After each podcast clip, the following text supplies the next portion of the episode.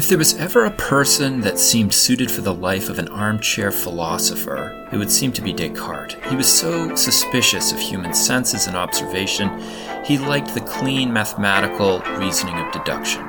So, who would have thought he'd be such an adventurer?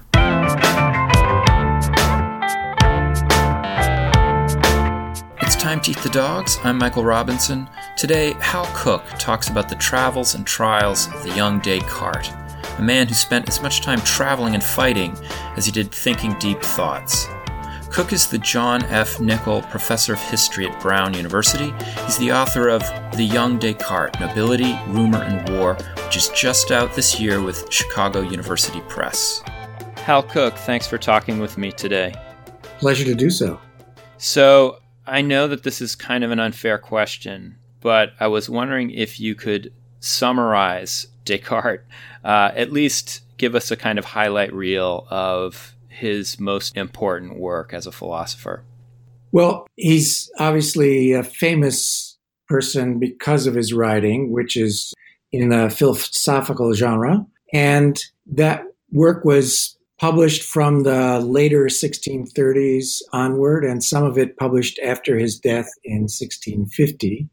He's known to later generations probably best for advocating, well, several things. One would be corpuscularianism, which is a version of uh, matter theory in terms of how the world is composed. It's a kind of uh, kind of this idea of a, a giant clockwork, right? Me- the mechanical philosophy is that. So, so that's it, it's the matter theory that goes into that version of how people understand him to be arguing. And so he has, for instance, so it, it's it's uh, it's a bit mm, like a fluid. And so one of his metaphors is that when things move through this fluid, it's kind of like a fish moving through water. Mm-hmm. And the other thing he's known for, and this is maybe much more common to the way people think of Descartes, is dualism. That is that mind and body are distinct substances and we as humans then are made up of mind and body, which interact, but in some mysterious way, which we can't map out. And so the relationship between mind and body remains mysterious, but that also, for many people, frees mind to think of great things or to contemplate uh, God and otherwise to avoid bodily entanglements with the, with the world and uh, think about more important things. When I was in graduate school, I know that we got a heavy dose of Descartes as a, a theorist of methods. How do you know the truth? Epistemology, I guess, is the technical word, right? That that would also be the other uh, leg of the stool, right? And that is related to people thinking of him as basing his methods on mathematics and uh, the method being what people usually refer to as deduction, which is the analogy is with Euclid, where you start off with a few premises, you have some rules of reasoning, you can get from axioms and premises to proofs and move on from each st- step of proof to, to certain knowledge that's certain. So uh, one of the things I liked about your book, it was uh, a very is very interesting to me. I didn't I didn't know any of this that you were talking about, you know, when Descartes dies, he's got all of these papers. Um, he's been a correspondent. He knows thousands of people. I mean, he's moved all through Europe. And yet, you write that, like, the documents of his life, his letters and his works, kind of slowly disappear in these interesting ways. And that we end up with a kind of life of or body of work that's been expunged of the biographical detail. I was wondering if you could talk a little bit about that.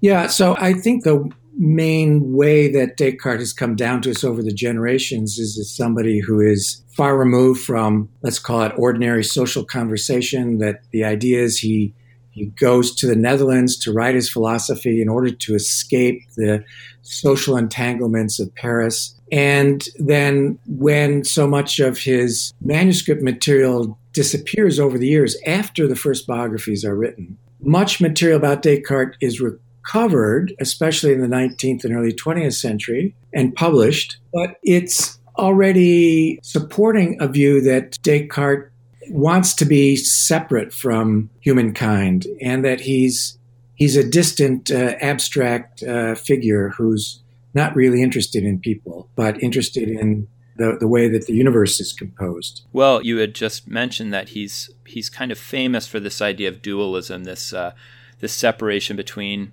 mind and body, and um, and then you start describing this parallel with the way he's remembered. And you have this great line from your book. It says uh, Descartes says that human beings exist as mind and body united.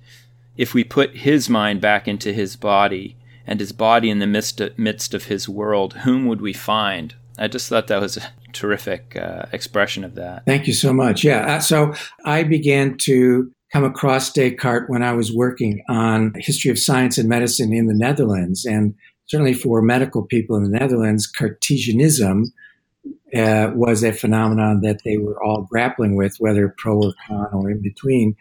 And so I began looking into him and thinking, well, what's what's he doing here in the Netherlands for 20 years when all of his friends are back in Paris and he loves Paris? So why is he in the Netherlands? And then seeing he's entangled in all kinds of controversies and so on. And, and so the more I looked into his life, the more I began to puzzle about the usual story, which is that he's there just to do thinking and that he's yeah far removed from any real connections with the world. He's he turns out to be very worldly, and that also fit with what I was finding, and that's that his last work published during his lifetime is on the passions. Huh.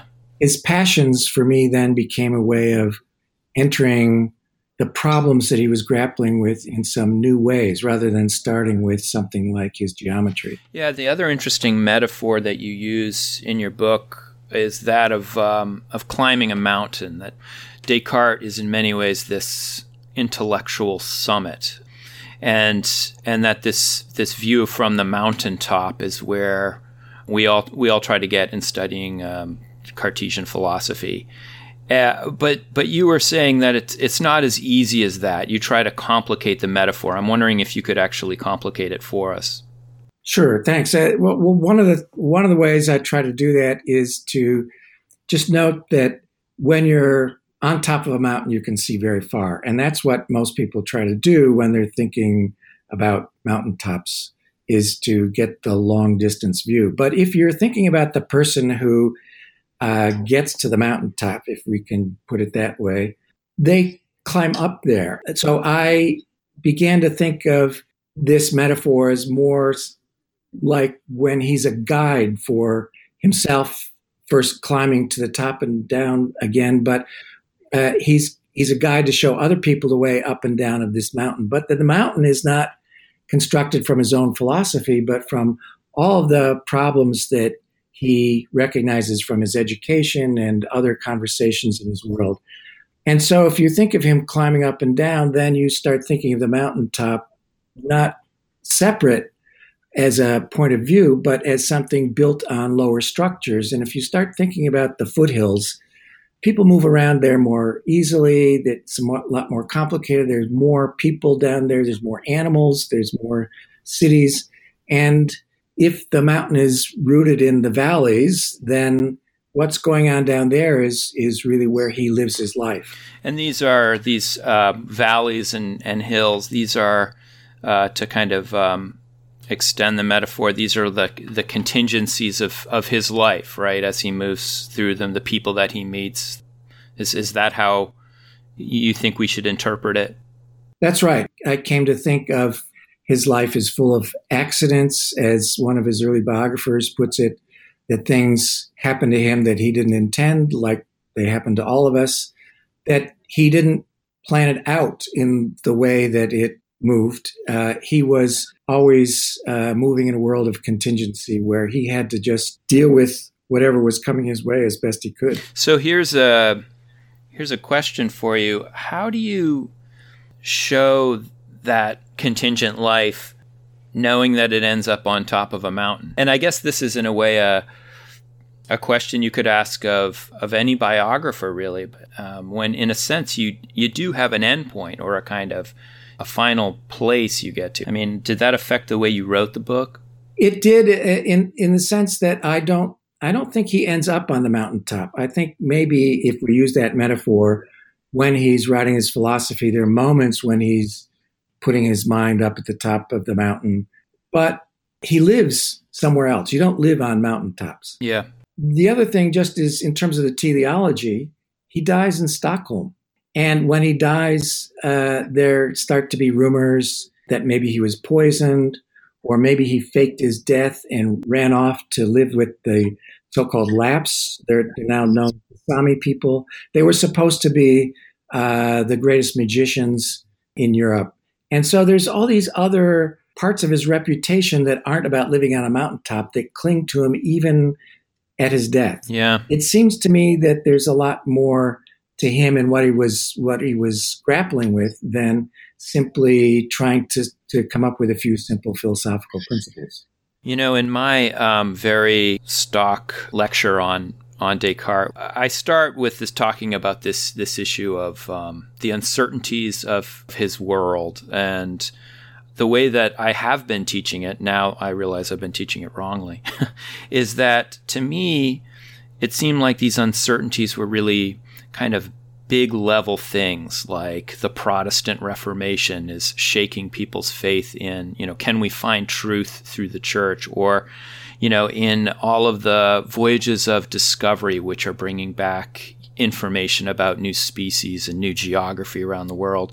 And that it's in that, you know, global context that Descartes starts thinking about what what is certain and one of the things I really like about your book, very new for me to read, is that no, this uncertainty is really personal. I mean, he lives a really precarious life. So I was just wondering if you could talk about um, what's so scary about Descartes' life as a young man. Sure. Well, I, I do think that uh, the world is full of uncertainties most of the time. And uh, it certainly was for him and in his time. And I don't object to anybody like yourself teaching courses that require generalizations like Voyages of Discovery or, or international commerce or Protestant Reformation, Catholic Counter Reformation, however one wants to talk about those things. We need to generalize sometimes, but one of the things that's come to interest me about Descartes' philosophy is that he's trying to get rid of the abstractions and get down to the nitty gritty. Mm-hmm. And I think that's coming from his life, which is full of contingency. And one of the great episodes of his life, I think now, was when he was in Paris as a, a young man. He was he, he's an aristocrat. He's looking for patronage. He is reputed to be very good with his sword. He loves poetry. He's got lots of friends who enjoy his company and he enjoys their company. And but he's looking for patronage to work for one of the great nobles, probably because he was a virtual orphan. His mother died when he was young. His father remarried, had a different family. So he's in his late teens, living in Paris, looking for social and personal advancement. And then comes this very bloody coup d'etat in uh-huh. which the young king sees, seizes power from his mother, Marie de Medici. This is uh, Louis XIII? Yes, becomes Louis XIII. And uh, Louis and his boyfriends basically murder his mother's lover, who is her chief minister as well. And quite quite brutally, right? I mean, this is yeah, where he yeah. yeah. And, and but that's that's the world in which he's living is he can wake up one day and find out that the guy who was running the country had just been murdered by the king's guard, by the king's own guard. And it must have it must have shocked anybody. Anyway, within a few days, Marie de Medici is fleeing Paris, and that's just when he leaves Paris too and goes to the Netherlands for the first time. Uh-huh. So I think that's just an example of the kinds of contingencies in his life. Things he, he thinks things are going just fine, and all of a sudden something completely outside of his control just crashes into his world and sends him spiraling off in a different direction. You talk a lot about, well, so much of the day to day routines are difficult to get at with Descartes, but you kind of create this um, broader picture of, of his world, his kind of uh, social network, I guess. And that social network is so interesting because it's so diverse. I mean, you have Catholics, you have Huguenots, you have um, libertines um, who are not just you know interested in sex, drugs, and rock and roll. Right? That's a kind of free thinking philosophy, and so it's a very interesting set of people that he's exposed to. Do you do you know how that influenced him? So, uh, because I'm dealing with the young Descartes, I don't have to, in this book, try to specify exactly how particular ideas or particular people might have influenced him, to use that word influence. But what I uh, think is interesting about his life as a young person is all these connections that you just mentioned. And it, it's a world of uh, really enormously violent intellectual clashes as well as personal clashes. And there are a lot of different positions around. And you mentioned the Epicureans and the libertines, and they are interested in what we would call sex, drugs, and rock and roll, but they're also interested in free thinking. Some of them get executed because of the views that they're propounding. So it, that's a very interesting group. But some of the people inside the church that he ends up knowing very well are also interested in a kind of charismatic religion, so that they don't. They're they're Catholics, of course. Some of them even uh, bishops and archbishops and even cardinals. So some of them are senior people, but they're interested in a religion that speaks to the heart. Uh-huh. Let's call it a theological dogma. So he's got all kinds of people around him where I think that for me, the bottom line is for his, let's call it the, the growth of his thought from all of these clashes is that there's something in human intuition, in the heart, that is speaking to him. So he's known as a rationalist, but his work on the passions, again, for me, is really critical for cluing me into the many things that he's grappling with and how something like uh, being moved by a spirit is perfectly okay with him as long as you don't try to abstract that into yeah. dogma. I um, I did find a number of kind of uh, images of of Descartes really interesting and counterintuitive to the way I thought about him. One of them is, you know, there's this story of these visions or dreams that Descartes has in, I guess it was 1619, right. um, when these kinds of ideas about analytical philosophy and you know the mathematical inspiration for philosophy kind of come to him and on the surface, I was thinking, yeah, that's like totally consistent with thinking of Descartes as a kind of armchair philosopher. He's locked in a room somewhere. He's not doing experiments. He's just sitting there, and then it kind of all comes to him in a flash. But then you actually kind of complicate this story as well. You provide a lot of context for these visions and talk a lot about Descartes' anxiety. Could you could you talk about that? Sure. Well, it, it's uh, occurring as best we know in the winter after he first enters Germany, and when the war that will be known as, uh, to historians as the Thirty Years' War, a long and brutal conflict, is just beginning to get underway, and armies are massing, and he has been signed up, signed himself up for the Duke of Bavaria's forces, and the Duke of Bavaria is going to lead the Catholic forces on behalf of the Emperor. So armies are being collected. He has just come from the Netherlands, where he got trained as a military engineer. And I think that he's working on behalf of the Duke to help uh, bring an army together that needs expertise like his. Uh-huh. So in the middle of this winter, he, he says he's there's a very cold day and he has a, a day to himself and he has these dreams. But I think he's he's in a strange place. Uh, he he would be suffering from what we would today call culture shock. The events going on around him are quite life threatening, as well as undermining his moral compass. And so I, I, think the dreams really show the anxiety of the moment for him. Do you think, I know this is kind of maybe just asking you to speculate, but given how dangerous his life was for so long, the fact that he was essentially orphaned, his father was often on the other side of the political spectrum from where he was, that he was in the military and traveling to these places, that maybe this kind of heavy duty uh, focus on deductive reasoning was a kind of refuge for him? It could be. I, I, think that one of the things he definitely is trying to do is to find out what you can be certain about. So his, his famous proof cogito ergo sum is a way of saying at least we know that we exist. We can't doubt our mm-hmm. existence. And that's a, a, way of arguing that the turtles don't go all the way down. They stop at some point, and they stop at, at the fact that we live in a real world. We are here. And then he tries to build from there. So I, I think that he is uh, at least uh, looking for that kind of certainty. On many other questions, though, uh, the lesson he draws from the dreams, if we believe what he writes about his dreams, is that the poets are right. Hmm. He had lots and lots of friends who are important and interesting literary figures. So it's not as though he's somebody who is looking for the kind of mathematical certainty that is different from the real world understandings that we all absorb in living through real life. Uh-huh.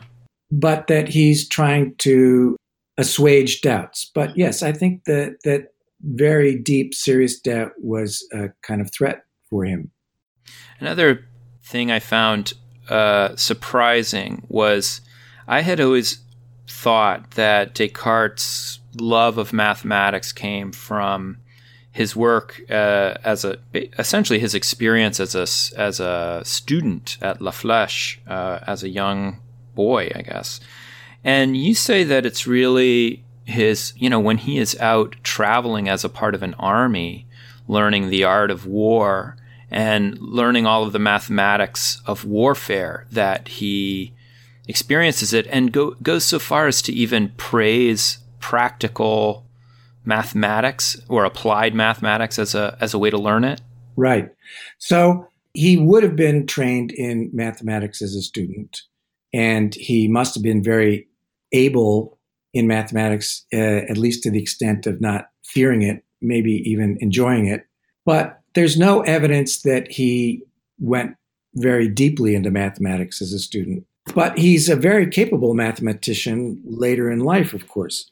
And I think that the important connection is when he goes off to the Low Countries for the first time in 1618, roughly, where he is apparently studying military engineering. And that's where he gets used to all kinds of mathematical manipulations. And he also acquires skill with mathematical instruments. So it turns mm-hmm. out that a lot of his mathematics is what we might call empirical mathematics, that he's using instruments and other things to manipulate a world in three dimensions through mathematical calculations. Mm-hmm. And that's what military engineers did. So, yes, I think that after that he becomes playful with mathematics it's he's he's comfortable with it and but it's coming through that exercise that he has with mathematical instruments and i guess maybe he would need to be that comfortable with it to both be doing kind of cutting edge math right but also use math as a a metaphor of sorts for how how we should be doing philosophy right but i continue to think that the mathematical methods for him end up being, let's call it techniques, or they are methods. His his goals remain to understand the real world that he experienced. His, that's why his last book is on the passions. Uh-huh. He's really interested in other human beings as well as in nature and what makes nature what it is. And mathematics is an important tool in that, but mathematics is not the end all for his thinking. And I, I get the impression also from a line in your book that I can't remember the exact uh, framing of it, but you said something like, you know, with all of these other avenues shut off, uh, Descartes pursued philosophy. It was almost as if, um, as his life as a as nobility starts to fall apart, this was a kind of plan B for him, not not his life's work. Yeah, and I don't mean by that to say that he wasn't interested in how the world works, let's let's say. In, in that kind of philosophy, he clearly was, and he was very well educated. But I don't think there's any sign that he set out to be a philosopher. And he only turns to writing philosophy late in life. When he's, I think he's in exile in the Netherlands for the last 20 years of his life. He's got political problems with Richelieu.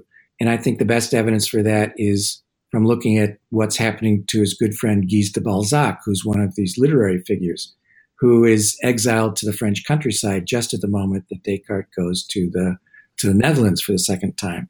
what he's doing there in the first few years in the Netherlands is unclear, but he's clearly thinking about uh, philosophy, as we would call it, or science, or understanding the world. He's studying chemistry and anatomy at that point. Mm-hmm. Then he never really re enters France. And so I think he ends up doing this philosophy when he's in exile. But the idea that this is what he aimed for from the beginning of his life is, uh, I think, yeah, impossible to support. You mentioned at the beginning of the interview that uh, your work on Descartes was inspired by some earlier projects that you were working on, and and I was thinking that you you actually have a pretty diverse approach to subjects. I mean, you have your most recent book was a kind of institutional history, right? Matters of Exchange, which which looks at uh, commerce in the Dutch Golden Age and how it connects or lays a foundation for science. But then you also have more biographical works like Trials of an Ordinary Doctor about Johannes Groenevelt, if I'm saying that correctly. And so, how would you fit this book about young Descartes, you know, with, within that body of, of work? For me, I have come to doubt some of the stories about historical causes and even historical frameworks that I grew up with. Huh. So I think that seeing how people in the past coped with the problems of their lives and often wanted to do something with them that we would call scientific or intellectual or whatever it may be. That people have goals and ambitions and and uh, interests and hopes and fears. All that, I think, helps to explain why they end up doing what they're doing, as well as the opportunities and barriers that come their way. So, so I, I think I've tried to grapple with those things in, in some of the other things I've written. But Descartes has always been this figure on a mountaintop, and I, I thought, well, that just can't be given everything else that I've learned. It seems to me that when I was in graduate school, biography was always looked at with some suspicion. I mean, it's such a popular genre. People love reading biography. I mean, I love I love reading biography, but there was always a sense of suspicion about it, almost as if you're if you're going to talk about the person and person's personal experiences that somehow you're going to lose track of the social and the cultural and then you're going to have this really skewed picture of a person and how they work in their own lives. And so, so how do you, how do you, I guess, balance that? Well, I, I think it's true that uh, any one of us looking out from our own little egotistical corner of the universe sees that we're living within all kinds of other frames and forces that, that run through our lives in, in ways that we don't fully comprehend. And so I think that the historian's job of trying to understand those larger forces and, and, and larger uh, streams in the current that's carrying us along, that that's right and proper, and and that's what I'm trying to do too.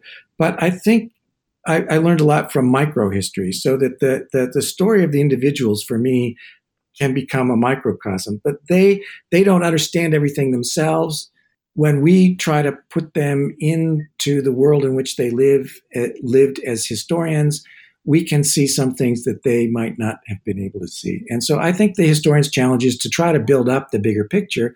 But my own sense is that it's best to work from the ground up, you might say, rather than from abstract principles like Reformation and work downward.